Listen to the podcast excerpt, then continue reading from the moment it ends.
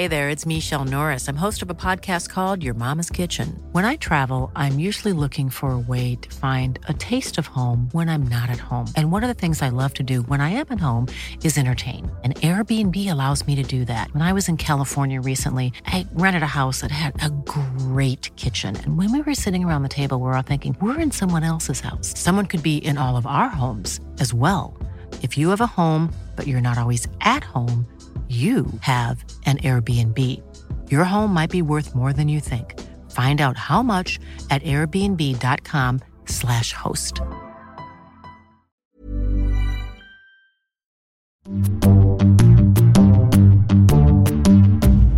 Välkomna till podcasten Cyril och Stig i otakt med samtiden. Podcasten produceras av Storyhood. Dagens gäst är ryska författaren och journalisten Lisa Alexandrova Sorina. Lisa har släppt sju böcker som är skönlitteratur med i, hemma i Ryssland på ryska. Men nu är hon aktuell med inte bara sin första svenska bok utan sin första journalistiska reportage som vi vill säga är årets reportage. Kanske. Imperiets barn heter boken och är utgiven av Volante förlag och i den följer hon bland annat under hemlig identitet det parallellsamhälle som har vuxit fram i Sverige med inte minst arbetare som arbetar under rena slavförhållanden ibland. Och de kommer ofta från de forna Sovjetstaterna. Innan vi sätter igång vill jag påminna om att det inte är gratis att göra podd. Vill man stödja oss så swisha 123 535 4857. Jag repeterar 123 535 4857. Man kan också stödja oss genom att köpa t-shirts, hoodies, kaffekoppar, kulturpåsar hos podstore.se loggar man in på då. Eller varför inte köpa vår öl, Cyril och Stig Ollet, som säljs på Systembolagen på Södermalm, Enskede, Gullmarsplan, Nacka och i Farsta. Nya restauranger som tar in vår eh, öl är Restaurang Veron i Kungens Kurva, Katarina Café i Sofo som är det första som säljer den på fatöl, Filmhusets kafeteria, restaurang och bar och eh, Rådhusbaren på Kungsholmen är också tillbaka. Vill man gå vår skrivarkurs fyra dagar i februari, det är första helgen den 3-4 februari och den tredje helgen 17-18 i Tallkrogen i Stockholm ser det ut som.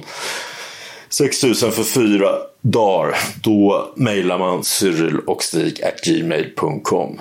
Jag är också aktuell med prosalyriksamlingen Slå mig så hårt du vill. Som även finns som ljudbok inläst av skådespelaren Ola Rapace.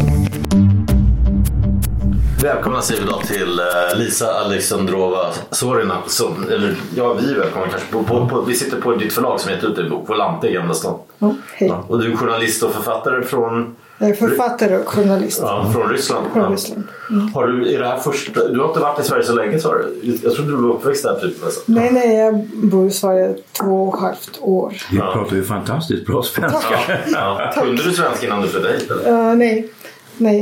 Uh, men första gången jag kom till Stockholm sex år sedan.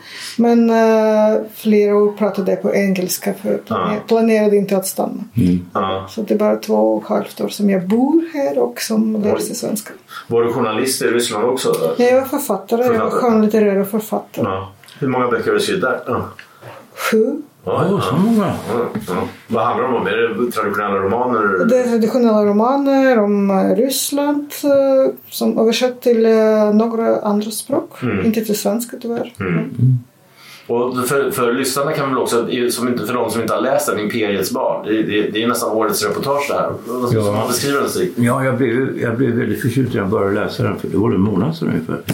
Och det är ju det som, är, det som skiljer den här boken från många andra motsvarande böcker det är att du kommer mycket närmare de här människorna som normalt sett inte skulle ha berättat saker för dig. Va? Genom att du inte intervjuar i egentlig mening utan mer samtalar med. Va? Mm. Och, och, det finns vissa likheter.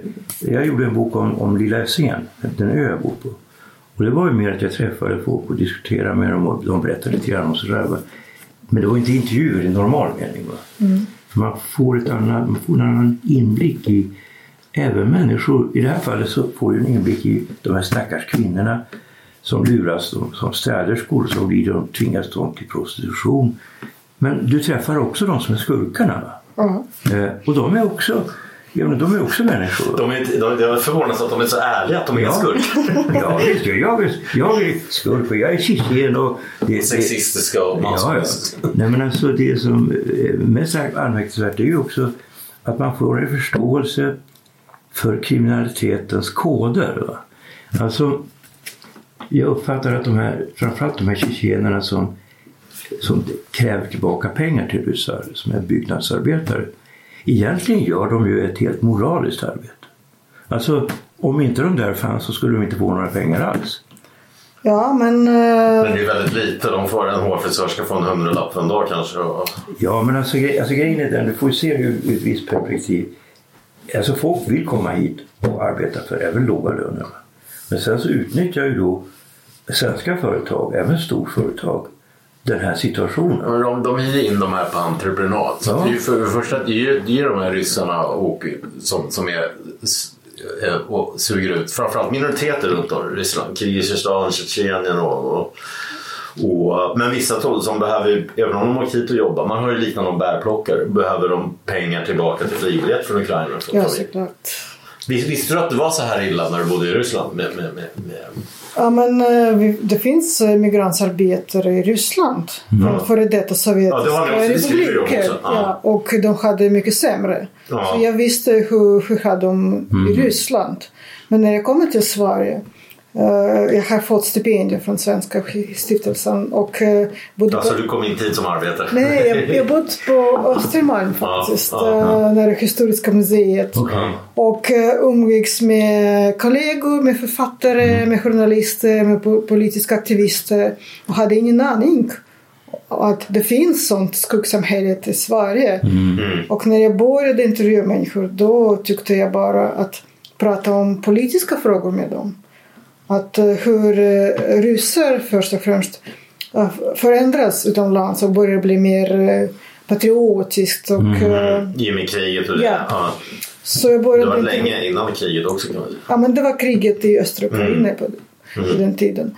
Så jag började intervjua dem. Men sen eh, de började berätta om villkor, om eh, omständigheter de bor i Sverige.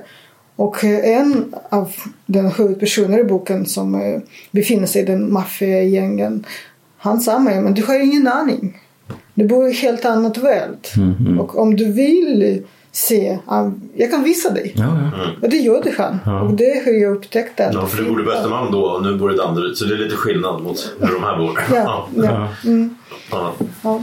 Men, jag- Men hur kan du beskriva hur de bor? Jag hade ju anat att man bor, det vet jag att man, folk hyr villor och till och med folk har frågat mig och kompisar vill ni hyra ut till ryska och polska gästarbetare. Men då är det med ett landställe för fyra personer. Här låter som det kan vara 20 personer ibland. Ja, det är minst 20 personer. Det kan Ja. bli, det kan bli uh, före detta kontorhus Ja. som ska rivas snart. Och det bor 60-70 personer söderut i Stockholm. Jag, jag, Och villor i ett rum 10 personer. och Så. och villor med 30-40 personer. Ja. Och det är tvåvåningssängar som står i, var, i varje rum, varje plats och i källaren. Så överallt. Ja. Och, för, och för, för, jag uppfattar det som att för kvinnor är det, är, ja, det inom tjänstesektorn. För kvinnor är det frisörer, städare ja. och rent av prostitution och sånt också. Ja.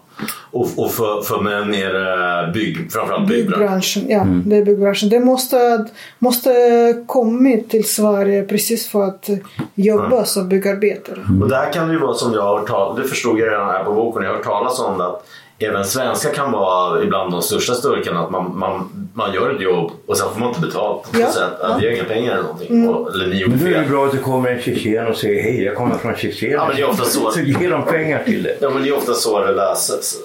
Eller hur? Ja. Ja, men uh, tjetjener, eller de som ibland kallar sig tjetjener, för tje- tjetjener det är som varumärke på grund av krigen och deras uh, krigserfarenhet. Um, men, de, uh, ibland hjälp, hjälper de uh, arbetare som har blivit lurade och uh, agerar som fackförening. Men uh, ibland de hjälper bygge, företagsägare. Och det, det beror på vem betalar faktiskt. Det är ganska ofta företagsägare säger uh, eh, behöver tjetjener för att tysta människor som har inte blivit betalt. Ja, det är också, alltså, du beskriver de här, de här som tar, tar sig från Ryssland och Ukraina, gamla sovjetiska stater, Georgien och Tjetjenien och, och de, kom i, de, de åker oftast hit för en firma lockar hit dem som de betalar för det första typ 1500 till, två, eh, eller fem, 1500 till 2000 euro för att komma hit. Ja, det- Så är de lite behjälpliga i början men sen släpper taget direkt när de har Ja, fått men, pengarna. ja, det kan bli rent bedrägeri.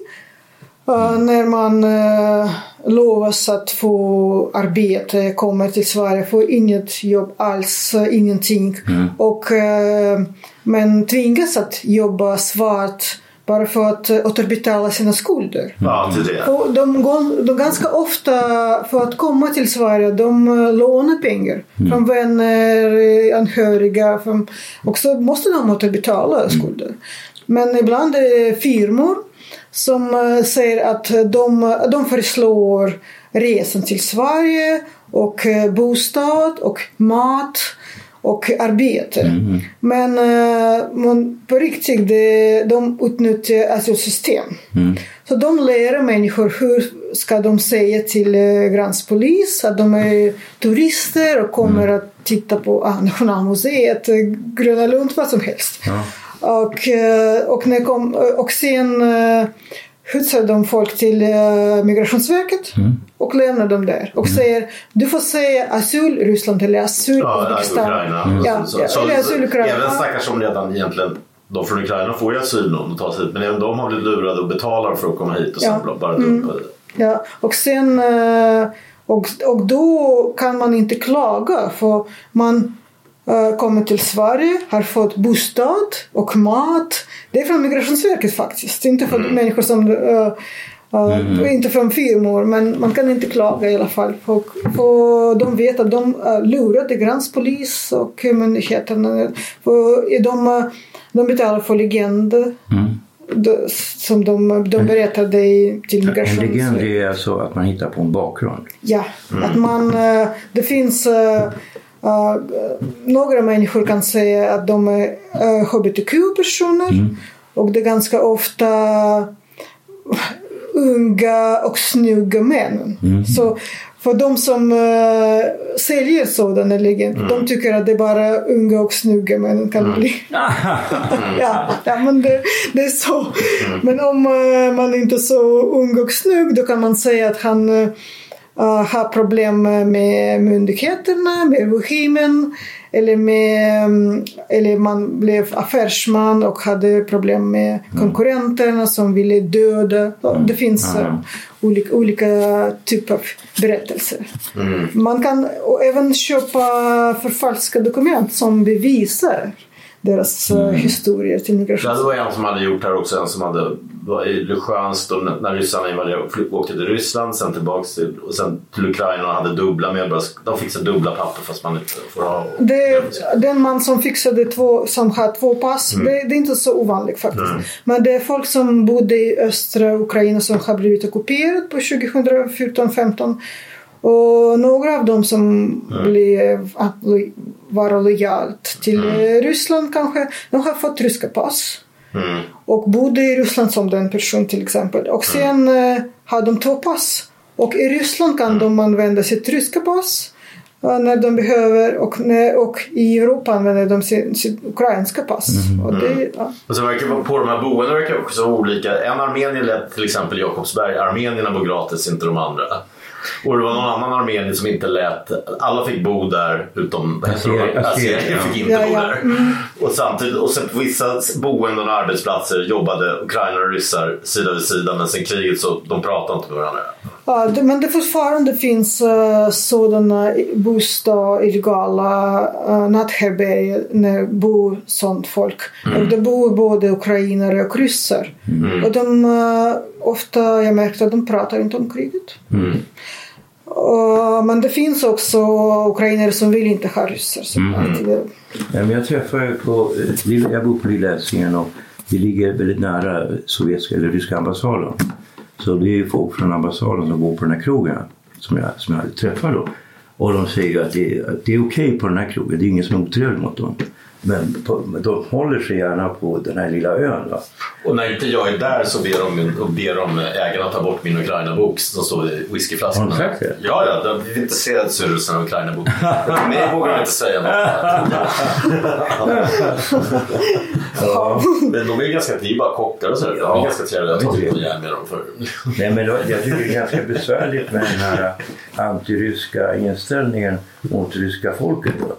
De kan ju inte hjälpa att de är ryssar. Och det där är något som jag uppfattar Alltså, men det finns ju olika konflikter som har dragit ut på tiden. Jag tänker på Libanon, jag tänker på Irland. Och det har skapat stor fiendskap mellan olika grupper. Men till slut så har det ändå blivit fred. Och det, det jag tycker är oroande det är att när ska det bli okej mellan ryssar och ukrainare?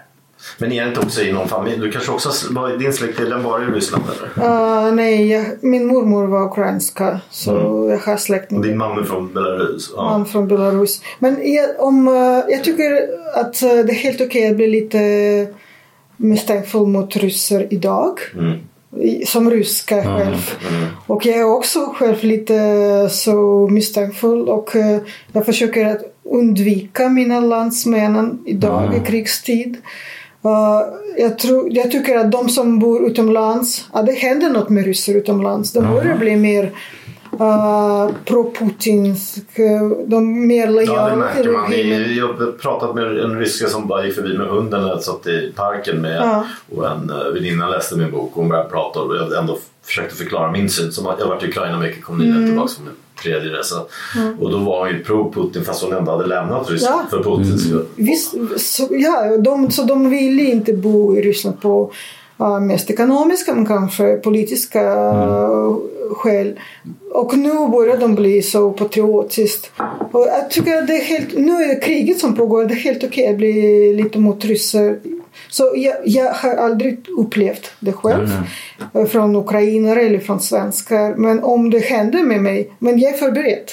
Och jag tycker om det händer något, om någon vill inte prata med mig eller någon bara för jag är ryska, ja men jag, jag, jag förstår. Men Jag märker ju nu i Ukraina, jag har ju fått många vänner där och jag märker bland mina både kvinnliga och manliga vänner där att alla har ju någon form, för det första Nio av tio av dem har haft ryska som, som första språk också. Men de, i och med att Zelensky som också hade ryska som eh, första språk gick ut med att eh, eh, nu, nu är det ukrainska som gäller.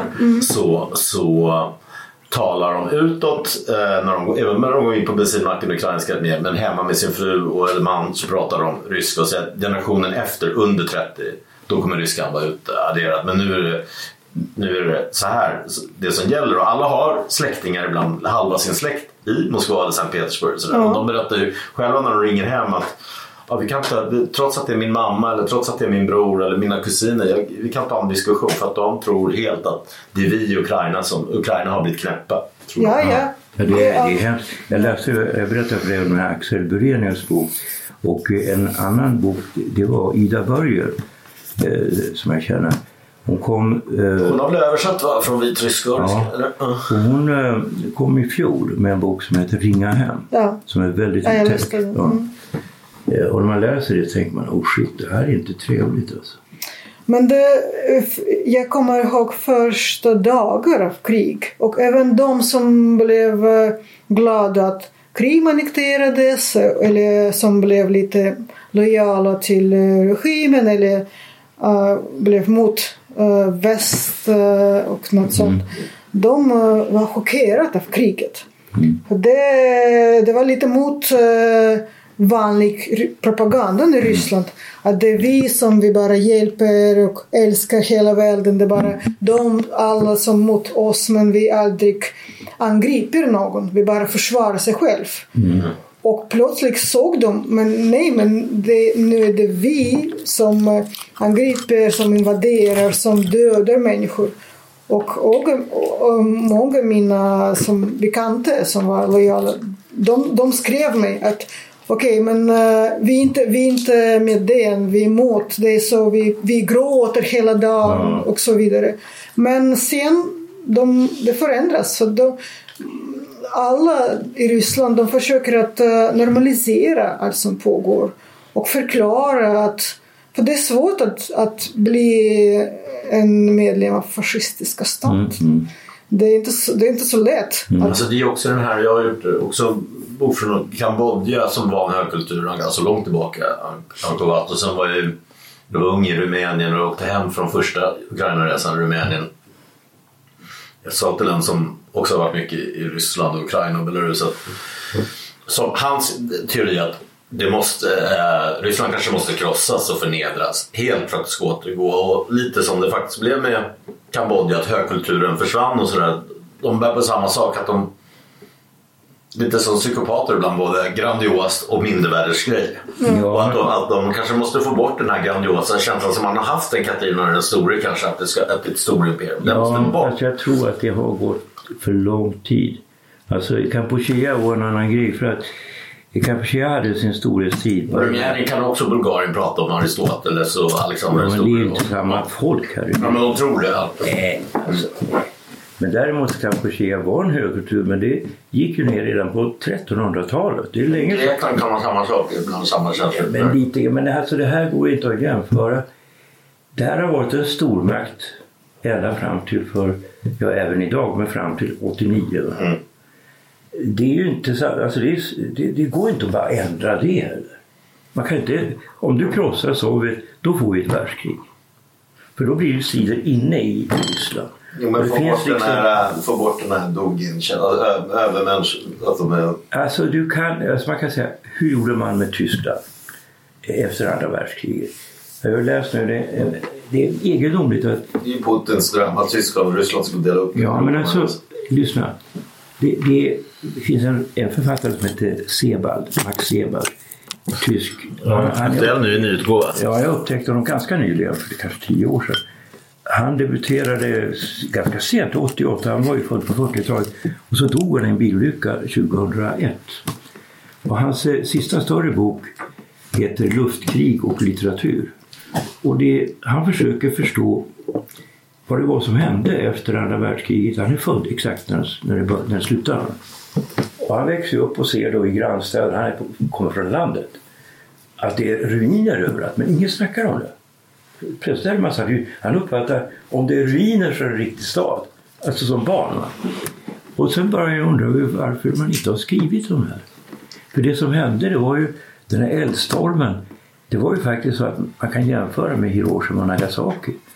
Det var ju hela, hela Hamburg blev eld. Folk stektes till döds. Man bombade i en utsträckning som man aldrig har gjort i Europa. Varken förr eller senare. Och utplånade stora storstäder i Tyskland. Leipzig, Dresden. Och, men ingen, de som var med där, det var för hemskt för att man skulle skriva om det. Förstår du? Och där kan man ju säga att där lyckades ju väst på något sätt utplåna den tyska attityden. Det, och det var ju också avsikten.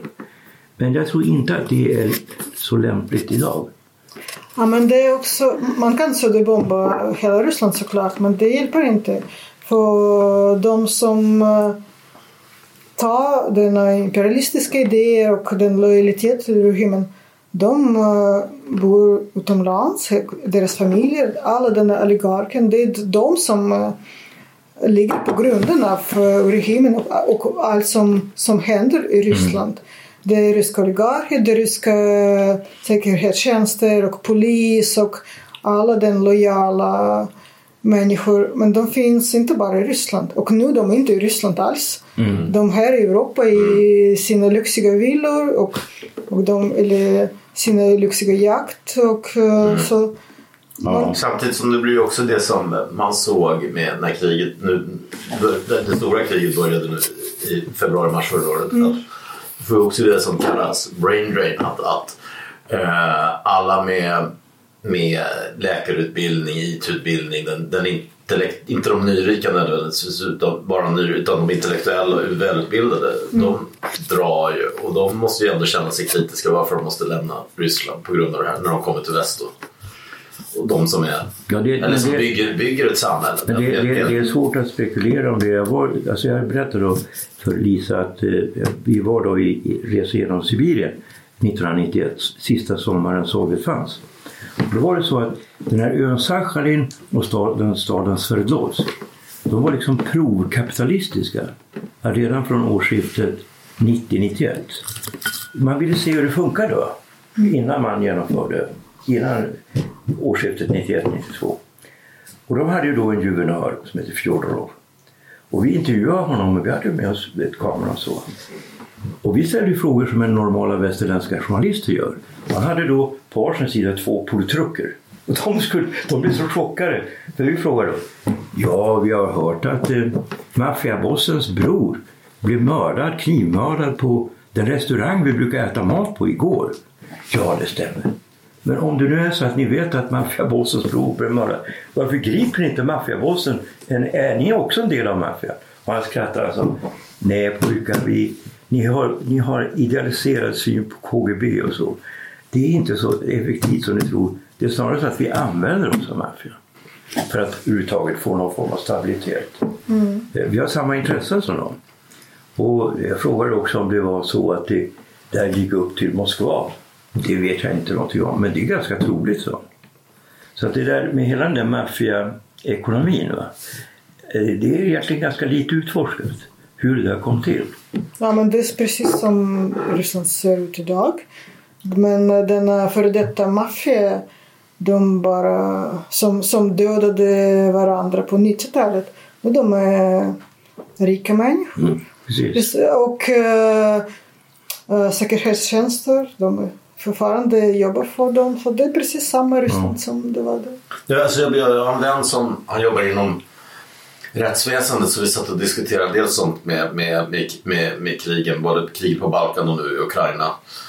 Och, men han har också haft att göra med flyktingar och brottslingar och sådär. Men hans teori eh, var att eh, för nu när vi ser utrensningar och det här med, med våldtäkter och sånt också, alltså mer etnisk utrensning som var i Butch och så med ryssarna och, och som serberna höll på på 90-talet. Han menar att Kroaterna också. Jo, oh, men detsamma men att han menar att serber och ryssar saknar moral. Nej, därför börjar säga krig. Och, och, men, men jag menar, jag tänkte lite det här med också, för det råkade jag ut för. Du ser att man kan, när, när man får ett nytt jobb, även som frisör eller på ett bygge, så får du ingen lön och de bara tycker uh, nej men du, du, du, du, du, du har inte börjat jobba på riktigt än. Du ska bara lära dig. Du ska jobba gratis här ett tag. Var glad för det ungefär. Så var det när det, min debutroman här går ju igår när jag bodde i New York. Jag och mina polare jobbade som baristas. Vi hade ju, så jag skriver det där i boken, vi hade ju lärt oss att jobba på hippa ställen så vi tyckte ju verkligen att vi kunde det här. Och kunde det faktiskt med att göra kaffelatte och alla de här grejerna.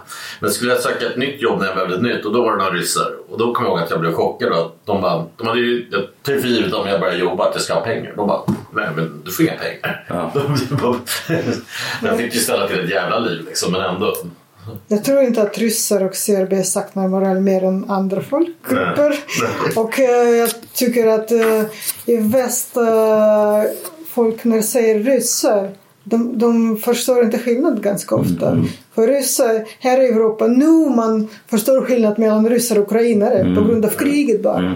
mm. Men annars, de, alla ryssar som... Uh, det finns ryssar som ryska medborgare men det är 140 olika mm. folkgrupper. Ja, jag tycker den här stilen också att du tar ditt eget... Nu är de flesta faktiskt från fattiga kringländer kring kärnan Ryssland. Men att du tar hit sitt eget folk och, och, och liksom då suga ut dem på det sättet. Lura hit dem och sen med, med skamlönen. Ja men det gör alla. Mm. Bara för de som kommit tidigare. Jo, jag de, de har inte varit latinamerikaner kanske i USA. Men alltså en, en lustig sak som jag tänkte på när jag åkte framförallt. Jag åkte flyg från Chabarovsk till Moskva. Det är en lång resa. Och man går i ett flygplan så här, flygplansrader, så kände jag att jag skulle kunna ta jobbet som, eh, som Sankte Per.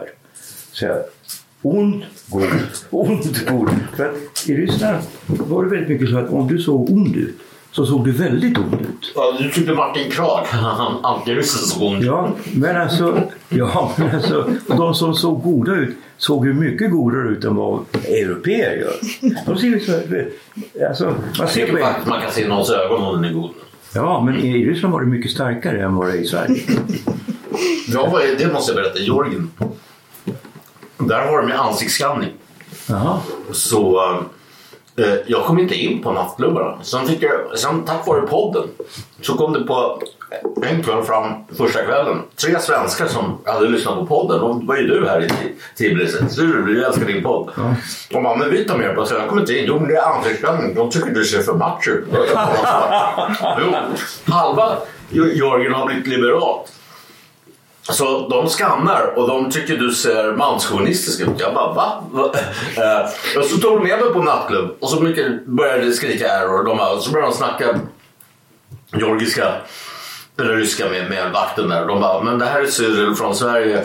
Vi kan, vi kan försäkra dig att han har inget emot kvinnor som röker eller homosexuella. Så låt han komma in. Då trodde de att jag skulle liksom banna kvinnor som rökte och drack och homosexuella där inne. Och jag kunde de bedöma på mitt, mitt utseende. Ja, ja hörru du, det kan vara farligt att se ut som du. Nej, Nej, men jag tänkte också, vi ska inte glömma bort det här som har hänt nu, den här byggolyckan. Mm. Och eh, var det människor du hade kontakt med där? För du var på, vi skulle ju spelat in förra veckan och då ställdes det ja. in för du var på SVT och ja, jobbade där. Om ja, jag som researcher. Ja, men jag var inte förvånad för det finns en... Finns ett äh, företag i Sundbyberg i den här?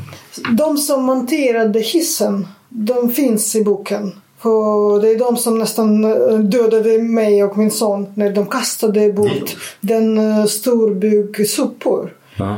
Och jag pratade med dem och två var svartarbetare från Serbien och Vitryssland, Belarus. Mm. Och den tredje bara har blivit anställd. Och när jag hörde uh, att den företag också är inblandad i den mm För lyssnarna ska påminna bara, alltså idag är det den 20 december. Det här måste vara 13 14 december. Så, så var det en bygghiss, bygghiss, eller hur? I Sundbyberg. Ja, som, som rasade ner och fem ögonblickligen dog fem personer varav, var det, jag fick för mig att det var tre från Ukraina, en från, två, två, två från Ukraina, en från Ryssland, en från Afghanistan och, och en svensk. Mm. Ja. Mm. Och, och, och, de som från Ukraina de saknas uh, de har varit eh, svartarbetare från mm. Och uh, den tredje från Dagestan, från Ryssland. I'm Sandra and I'm just the professional your small business was looking for. But you didn't hire me because you didn't use LinkedIn jobs. LinkedIn has professionals you can't find anywhere else, including those who aren't actively looking for a new job but might be open to the perfect role, like me. In a given month, over 70% of LinkedIn users don't visit other leading job sites. So if you're not looking on LinkedIn, you'll miss out on great candidates like Sandra. Start hiring professionals like a professional. Post your free job on linkedin.com/people today. Millions of people have lost weight with personalized plans from Noom, like Evan, who can't stand salads and still lost 50 pounds. Salads generally for most people are the easy button, right? For me, that wasn't an option. I never really was a salad guy. That's just not who I am. But Noom worked for me. Get your personalized plan today at noom.com. Real noom user compensated to provide their story. In four weeks, the typical noom user can expect to lose one to two pounds per week. Individual results may vary. Man, man kan inte bli förvånad. För man, olyckor händer jätteofta. Mm. Men uh, människor skadas människor byter sina benen och mm. de ramlar från taket. Det händer mycket. Mm. Och ganska ofta smugglas de tillbaks till hemländer för att inte anmäla händelser. Det skriver de också. För en vanlig svensk med, med, med vårt arbetsskydd får ju en stor försäkring och sådär också och hjälp. Och om det händer en olycka på arbetsplatsen ska man få i alla fall. Men, men här berättar ju du att när det har skett olyckor så då, då ger de en slant till bussresa hem och sen bara ja. de här mm. som, som, det är inga försäkringar som gäller här direkt för, ja. de som skadas. Nej men det, det händer ju också på Northvolt. Jag är född i Skellefteå, ute mm. i Norrland. Och Skellefteå har ju förändrats enormt mycket de sista tre åren bara. För det ska bli en jättestor fabrik, det har det redan blivit. Ja. Och eh, det var ju två som dog där också, samma vecka. Ja. Men det... Eh, man kan inte bli förvånad för det, det, det är inte bara svartarbetare. Men äh, även om de är äh, fastanställt. Mm. Det finns en stor krav från äh, arbetsgivare att göra allt äh, snabbare. Mm. Mm. Och då struntar de med personlig skyddsutrustning. De struntar med, men till exempel förmodligen um, i den här hiss de eh, luftade cement och eh, eh, verktyg som vanligtvis svenskar luftar med luftkranen. Mhm. Men det är dyrt. Och det är snabbare och billigare att göra det med hiss. Och kanske därför de har blivit så skadade. Så det var omöjligt att identifiera dem. För det är gjort Ja, de har ju med stressat. Det här är ju svenska arbets... Alltså de som har hyrt jobbet. Alltså, Men de är den underleverantörerna som de eh, har blivit betalt från den, uh, den storföretag. Men de vill, de som äger firmor, de vill ju tjäna så mycket pengar som helst. Och de vill skapa pengar. på grund Det är arbetare som får inte så mycket. Och, och, och att bli mindre betald. De måste, de måste jobba snabbare, annars, annars straffas de. Då struntar de med både sin egen säkerhet men också säkerhet av andra människor. Så om man ser det, så jag, jag såg det så m- ofta. Och jag har se- sett så många skadade arbetare. Jag har inte blivit förvånad. Jag var förvånad att det hände inte förut. Så stort olycka. Så vi, eller det hände och vi visste inte för ibland de bara sen, sen eh, skickar kropparna i hemlandet. Igen för att undvika att det blir anmält. Ja, men jag, jag Och tror, utredas. tror att det är en, en viktig sak som man egentligen aldrig, som jag uppfattar har diskuterat i Sverige. Det är ju att plötsligt så det var en strejk på Saab-Scania, ett stort företag, Södertälje. Och eh, det var min kompis som ledde den strejken. Han var yrkesrevolutionär kan man säga. Och eh, det här var väldigt skadligt för svensk ekonomi. Och det här skedde ju samtidigt som du tittar på bilfabriker över hela världen. Så började man helt enkelt för att undvika att det kunde bli konflikter som gick ut över företaget. Så la man sen över det på just underleverantörer. För att på det sättet ska skademinimera bortfall, alltså framförallt för strejker men även för tekniska problem. Och, och, vet. och på det sättet så blir det mycket svårare, i stort sett helt omöjligt att genomföra strejker. Man ser på det nu i det här det som hände med Tesla. Nu har ju då många varit solidariska med de som är Tesla-arbetare. Men frågan är hur det kommer att sluta. Ja, men alltså, jag, för, för Sverige är ju då traditionellt ett land, kanske det land i världen som, där man tagit mest hand om arbetarnas intressen. Som när jag Stig, växte upp sedan 50-talet och jag 70-talet. Man har ju alltid vi är ju vana vid att man, man alltid har pratat om att det här har det bästa arbetsskyddet, facket, ibland kanske för mycket till och med. Liksom att det enda landet där McDonalds har kollektivavtal i hela världen, det är Sverige till exempel, fick jag lära mig statsvetenskap. Och jag menar, som, vill du inte ha kollektivavtal om du till och med betalar en bättre lön, är det något att tjafsa om? Jag kommer ihåg när jag jobbade på Situation Stockholm, de var ju måna om att inte våra löner skulle synas för mycket utåt. Liksom. Så då, då var det ju höga pensionsförsäkringar istället man fick istället för att de höll sig till Kollektivavtalet. Så ja, det var ju bättre för mig. Eh, så att, eh, men det är ingen tillfällighet att, att det blir sånt bråk med Tesla i Sverige och att resten av Skandinavien, deras fackförbund, backar upp Ja. också. Liksom. Så att man undrar ju vad som har hänt med Sverige att det här sker i byggnadssektorn. För att jag kommer ihåg när jag var, i 20-årsåldern, jag och folk när vi jobbade på krogen som diskar och sådär, då var det ju oftast åt någon fiffilur som Stu- Stureplansgruppen eller någon då som de här eh, hyrde på entreprenad. Men där krogbranschen, eftersom men det kanske också har att så många krogägare har fifflat, där har ju samhället gått in med hårdhandskar. Sånt där fusk förekommer inte idag i krogbranschen. Man tycker att något liknande borde göras i, i byggbranschen. Varför händer det men jag kan det- säga vad, vad, vad säger uh, företagare själv, de ryskspråkiga oseriösa leverantörerna. säger. Uh, men en man sa mig att alla snackar att det är vi ryssar eller vi från före detta Sovjetunionen som kommit till Sverige och skadat och förstört det svenska systemet. Men det är svenskar som bjudit oss. Jag har bjudit upp till tango. För vi är billiga och de vet varför. Alla vet varför. Och, men det är bra för dem att vi är så billiga och de bara låtsas att de fattar ingenting. Och, eh, men, ehm, så det, det är så. De är bara billiga. Ja, men jag uppfattar att du, jag vet ju inte, men jag misstänker att det är ett problem i Sverige. För det är ju brist på små lägenheter till unga människor. Det finns ju nästan inte. Och det har att göra med nybyggnationen blir så dyr. Va?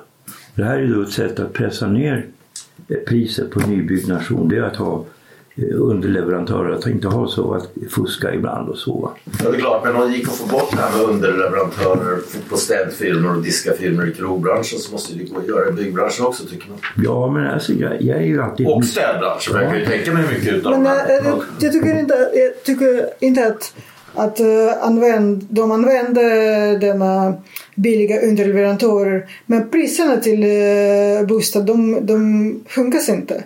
Och det är bara uh, management av byggföretag som, som tjänar mer pengar. Men det är samhället som betalar faktiskt för det. För med den uh, utnyttjas och exploateras människor kommer många problem. Den, den precis det, det skuggsamhället. Och det är kriminella människor, det är skattfusk, det är bedrägeri, t- penningstvätt. Det är mycket vad, vad pågår. Men Så, och sen uh, samhället betalar ganska, ganska mycket för allt som för att uh, städa det. mycket görs ju, du, du berättar också i boken, jag har inte kollat upp hemsidan, men du, den här bisarra sajten, den heter Svenska Palmen. Ja, men det är inte bara den svenska palmen, det finns uh, svenska schweiziska roulette. Ja. det finns fler. Fler och det finns nu det mer, nu vet de att polis och journalisterna uh, läser Ja, man kan, för lyssnarna kan man beskriva så, det är alltså som det här Darknet, vet du vad det är Stig? Ja. Ja, det är en sajt alltså, där- där som framförallt sex från då BDSM-grejer och sånt där folk håller på frivilligt till, till då eh, pedofiler och, och sälja ja, och prostitution och allt möjligt. Dark, den här dark side. Och den här svenska palmen känns som något sånt. Du ska jämföra lite med Darknet också för att det är allt från jobb till också sexuella Ja, men det är svart jobb, svart arbetare, svart bostad, f- falska dokument, fuskäktenskap, droger, alkohol, allt möjligt. Som ri- riktar sig till alltså, framförallt eh, ryssar och, Ja, och ryskspråkiga. öst, ryskspråkiga i, Ja, men svenskar, svenskar som kan ryska också kan komma och leta efter eller se- sex för pengar eller något sånt. Men det finns eh, nu det finns eh, Akilov, den terroristen, han letade efter jobbet på Svenska Palmen faktiskt. Så det är inte så okänd sajt. Polis eller så. Men uh, nu, är det, nu vet de att journalister skriver mycket och eh, efter min bok till exempel, nu eh, alla pratar om Svenska Palmen. Och, eh, men det finns grupper, Facebookgrupper, grupper på något, Messenger som WhatsApp, Viber, när man kan Eh, På Svenska. Palmen nu skriver de att eh, bara vitt jobb, eh, så bara människor med eh, uppehållstillstånd. Men eh, man vet att det, Ja, men det stämmer inte. när Men de skriver. ja. Ja, men i grupper på sociala medier, de, de skriver som det är. Att eh, ja, vilka dokument som helst, uh, papperslösa. Mm. Så man kan hitta Fick, svart jobb. under arbetet med den här fick du något hot på det nu när boken har kommit och sådär också? När du skriver, Um, jag vet att uh, några... alla kan ha gillat ja. Ja, några har bl- blivit förbannat. Mm. De som är maffia. Men eh, jag, har, jag har inte fått något hot. De bara undviker att prata med mig och de vill inte att jag pratade med någon annan. förvånad ändå att många var så ärliga som den här i Djursholms centrum. Den där som hade haft liksom, ända sedan med serbiska maffian. så. Äh, nej, med- på Möbelcentrum, centrum, ja, maffialedaren, han vill inte prata med mig. Men eh, jag upptäckte när jag jobbade med boken att alla, alla vill prata om sig själv. Det är Mm. Ja, folk mänskligt. det. Ja. Därför går folk till psykologer. Ja, och jag, ja, det är inte intervju, det är, det är samtal. Och jag kände sig lite som en präst eller som en psykolog. Jag lyssnade bara. Och de berättade mig allt möjligt och jag lyssnade och jag var, jag var intresserad. Det, var, det var Det var spännande. som. Vad- vad- Hade de jobbat som den här kvinnan? Ja, det- ja, de försökte våldta mig fem, sex gånger. Var det att hon bodde hos någon eller jobbade hos någon? Det var någon kvinna. Ja, ja, Ja. ja. Så jag lyssnade allt och de berättade mer och mer och de tyckte om. De, de kanske aldrig tyckte att deras liv är så intressant, så spännande. Så de berättade allt möjligt och jag berättade ganska ärligt allt som, eh, och som, jag, som jag hörde och som jag upptäckte. För jag tycker att eh, i Sverige förut det var uh, många snuffreportage. Mm. Snuffreportage eller tvärtom den uh, alternativa medier som uh, bara smutskastat alla invandrare. Och, men det fanns ingenting mellan Mm. åt lagom. För de, det är inte, de är inte bara svart eller vit. Mm. De, det är komplicerat, de är människor. Och de, eh, även de som gjorde något fel, de kan utnyttjas och exploateras på hemskt sätt. Och det är även de som är maffia, de ibland gör något bra. Och de kan bli snäll mot någon och hjälpa någon. Och de som... ehm, Ja, det är så de arbetar. Ja, så det, det, livet är komplicerat och jag försökte någon att visa det. Någon av de här fälgarna som blev väldigt förtjust och så sa jag kommer att skydda dig om någonting händer. Ja, ja. Men nu vill han inte prata med mig. Det, alltså det, om man, för, för, lyssna, för de som inte har läst boken, jag, jag skulle nog vilja säga att den är, också skri, den är skriven i, i stil med det som kallas Gonzo New Journalism. Som jag själv gjorde, gjorde min Ukraina-bok till exempel. Vilket betyder, du, sätter, du som berättare sätter dig själv i, i centrum och, och förklarar runt om vad du ser och hör och upplever och genom det, låter rösterna komma genom dig. Och man har, med New Journalist, med Tom Wolfe, John Didion och de amerikanska. Hade du läst, läst de journalisterna från Rolling Stone? Och, Nej, jag, kan, och, och, jag själv tyckte inte att, det, att jag finns mitt i, i boken. Jag tyckte att jag är helt bakom. ja, men det är ändå du, dina intryck med den. Ja. Liksom, så att det, inte, liksom, den här, det blir inte så torrt som det kan bli om det är helt ibland helt totalt objektiv journalistik. liksom. Det, är det, som, det här berättar man sanningen genom att inte vara helt objektiv ibland. Vi väljer ändå lite urval. Och så. Men, också, men språkligt också tycker jag, den, var ju, den är också väldigt rappt berättad. Och, och, svenska är ju inte ditt första språk. Jag, Nej, men eh, jag har inte skrivit på svenska. Jag skrev på ryska. Ah, okej, men och det var Nils eh, Håkansson som eh, var översättare. Okej, för jag undrar hur du skrev på ryska. För du, Agata Christov nämligen den här författaren som blev väldigt, fick stor långt efter sin död för två, tre år sedan blev hypad och som alla läser. Hon har ju också väldigt korthuggen eh, språk. Och jag tror Nabokov hade det också när, när de skrev på, på ett nytt språk. Mm. Det hade med det att göra. Men, Men jag har skrivit uh, för översättningen. Ja. Så det är inte som jag skriver uh, på vanligtvis svenska? när jag skriver sina skönlitterära böcker eller artik- eh, texter. Mm. Så jag skrivit, uh, när jag skrev, jag tyckte att hur blir det på svenska? Men vi jobbade med Nils Håkansson parallellt. Mm. Jo, men det blev väldigt bra. Jag är vi klara nu. ja, för vad finns det mer? Ja. Ja, vi kan väl säga. Okej, vi- vi kan göra reklam bara innan vi slutar. Att ta en skrivarkurs i Stockholm, Pallkrogen. Första och tredje helgerna i februari ser det ut som. Okej. Och vad går vi igenom då? 6 000 kronor för fyra dagar. Ja. Och vad går vi igenom? Ja, vi arbetar på olika fronter. Vi kan ju ta... Vi, vi liksom... Vi tar hänsyn till vad folk vill göra. Ja, vi ger uppgifter som man gör på vanliga skrivarkurser. eh, Traditionella såklart. Men sen kan vi också titta på dem, vad de arbetar med. Ja, ja, jobbar man med sånt här till exempel reportage kan vi handleda idé eller en roman eller poesi. Låttext med allt för, för. Ja. Ja, så vill man gå den så mejlar man cyrilochstig.gmail.com i februari. Tack. Tack. Tack. Stötta gärna oss på Swish. Nummer 123 535 4857. Ni kan också följa oss på Instagram och Facebook under Cyril och Stig.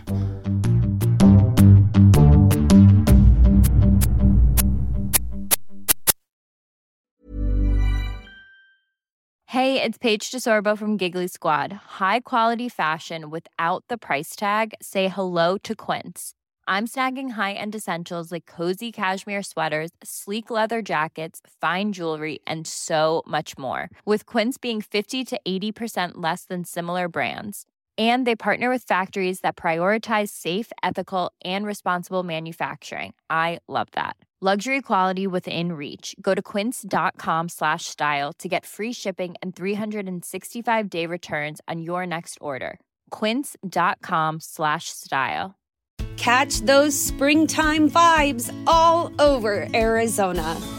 Break out of the winter blues by hitting the water at one of our lake and river parks. Take a hike among the wildflowers. Just make sure to stay on the trails and leave the flowers for the bees.